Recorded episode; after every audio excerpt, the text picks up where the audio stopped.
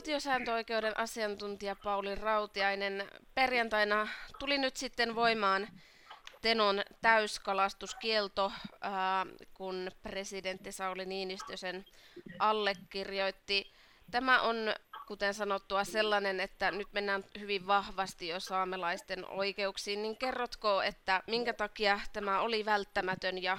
ja mitä tästä niin kuin sitten seuraa? Tämän tyyppinen niin kuin kokonais, kokonaiskalastuskielto äh, puuttuu tosiaan äh, äärettömän äh, rankasti saamelaisten, saame, saamelaisten itsehallintoon, saamelaiskulttuuriin. taustalla on kuitenkin ollut painavia syitä.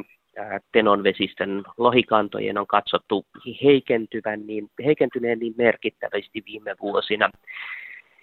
että joen ja sitä kautta saamelaiskulttuurin ikään kuin tähän Teno, Tenojokeen ja siinä kalastamiseen liittyvien niin kuin kulttuurimuotojen äh, suojaamiseksi, niin on katsottu, katsottu välttämättömäksi tätä niin kuin, äh, kalastusta äh, kokonaisuudessaan rajoittaa. Voidaan oikeastaan sanoa, että oikeudellisesti katsoen tämä äh, puuttuminen saamelais, saamelais kulttuuriin on oikeutettu saamelaiskulttuurin suojaamisen tavoin. Saamelaisten kulttuuri, kulttuuri itsehallinnon ja saamelaiskulttuurin suojan kannalta tässä ikään kuin, niin kuin asettuu tällä hetkellä vastakkain ne intressit, jotka on tällä hetkellä välittömästi niin kuin elävällä populaatiolla ja sitten ikään kuin tällä niin kuin kulttuurin kulttuurin ää, elämässä elä, elävänä pitämisellä ikään kuin, niin kuin yleisemminkin. Siinä mielessä tämä on tämmöinen klassinen niin kuin ympäristöperusoikeuteen kiinnittyvä kysymys, jossa ikään kuin tällä hetkellä ää, meidän elossa olevien ihmisten ää, oikeudet ja sitten tulevien sukupolvien oikeudet asettuvat, asettuvat vastakkain. Ja tällaisessa punnintatilanteessa on katsottu, että näiden tulevien sukupolvien oikeuksien suojaamisen nimissä on rajoitettava niitä oikeuksia, joita, joita meillä, meillä elossa olevilla ihmisillä tällä hetkellä on. Nyt tämä ikään kuin asetelma tapahtuu tässä ää, Tenojokeen liittyen saamelaiskulttuurin kontekstissa, mutta tällaisia vastaavan kaltaisiahan niin kuin asetelmia edustavat esimerkiksi ne ilmasto-oikeudenkäynnit, joita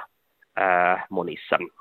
monissa maissa on vireillä, joissa esimerkiksi alkuperäiskansoihin liittyen sitten kysymys, kysymys on siitä, että jossakin täysin alkuperäiskansojen alueen ulkopuolella tapahtuvalla toiminnalla on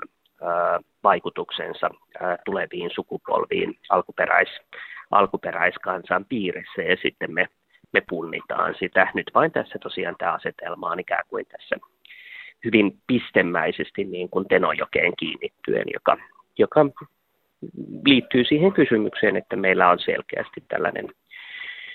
yksittäisen, yksittäisen joen yksittäisiin kantoihin liittyvä oikeudellinen asetelma ollut esillä. Tu, mu, min, yleensä Miten, miten jatkossa sitten, Pauli Rautiainen, mitä viime viikolla kun keskusteltiin, niin esiin mahdollisesti tämmöisen, että onko, onko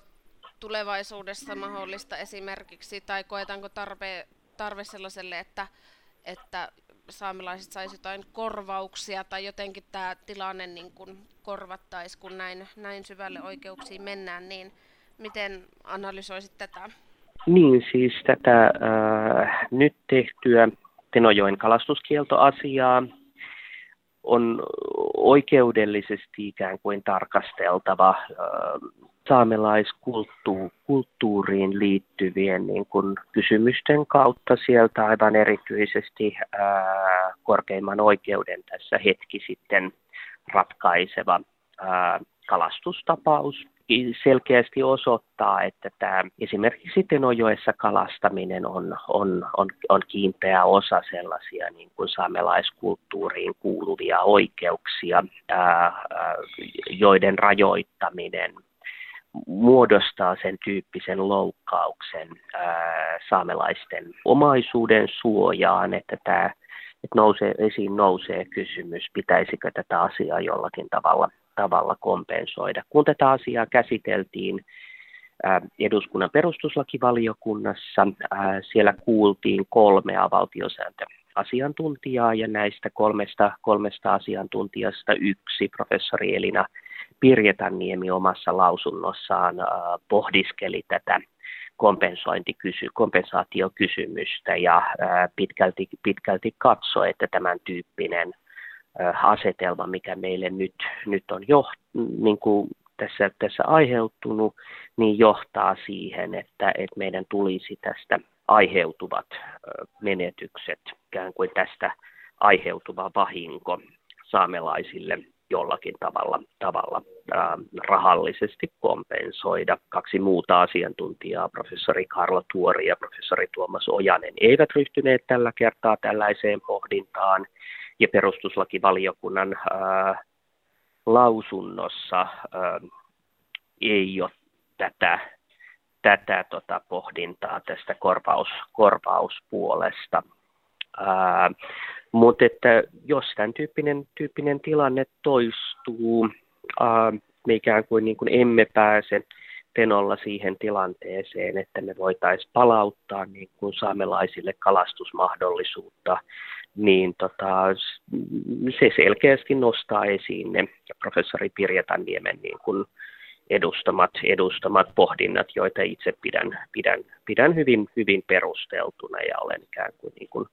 itse hyvin vahvasti samoilla kannoilla hänen kanssaan siitä, että, että, että tässä tämmöinen kompensaatiokysymys kysymys tulee. Toinen kiinnostava kysymys tulevaisuutta nähden on, on, on se, että miten meidän tulee reagoida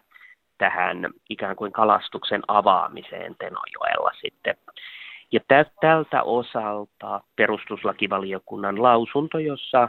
referoidaan korkeimman, korkeimman oikeuden tuomiota YK on kansalaisen poliittisia oikeuksia, oikeuksia koskevan sopimuksen 27 artiklan antamaa suojaa ja muuta tätä keskeistä oikeudellista aineistoa, jonka perusteella, perusteella vastausta on etsittävä, niin toteaa, että että ää,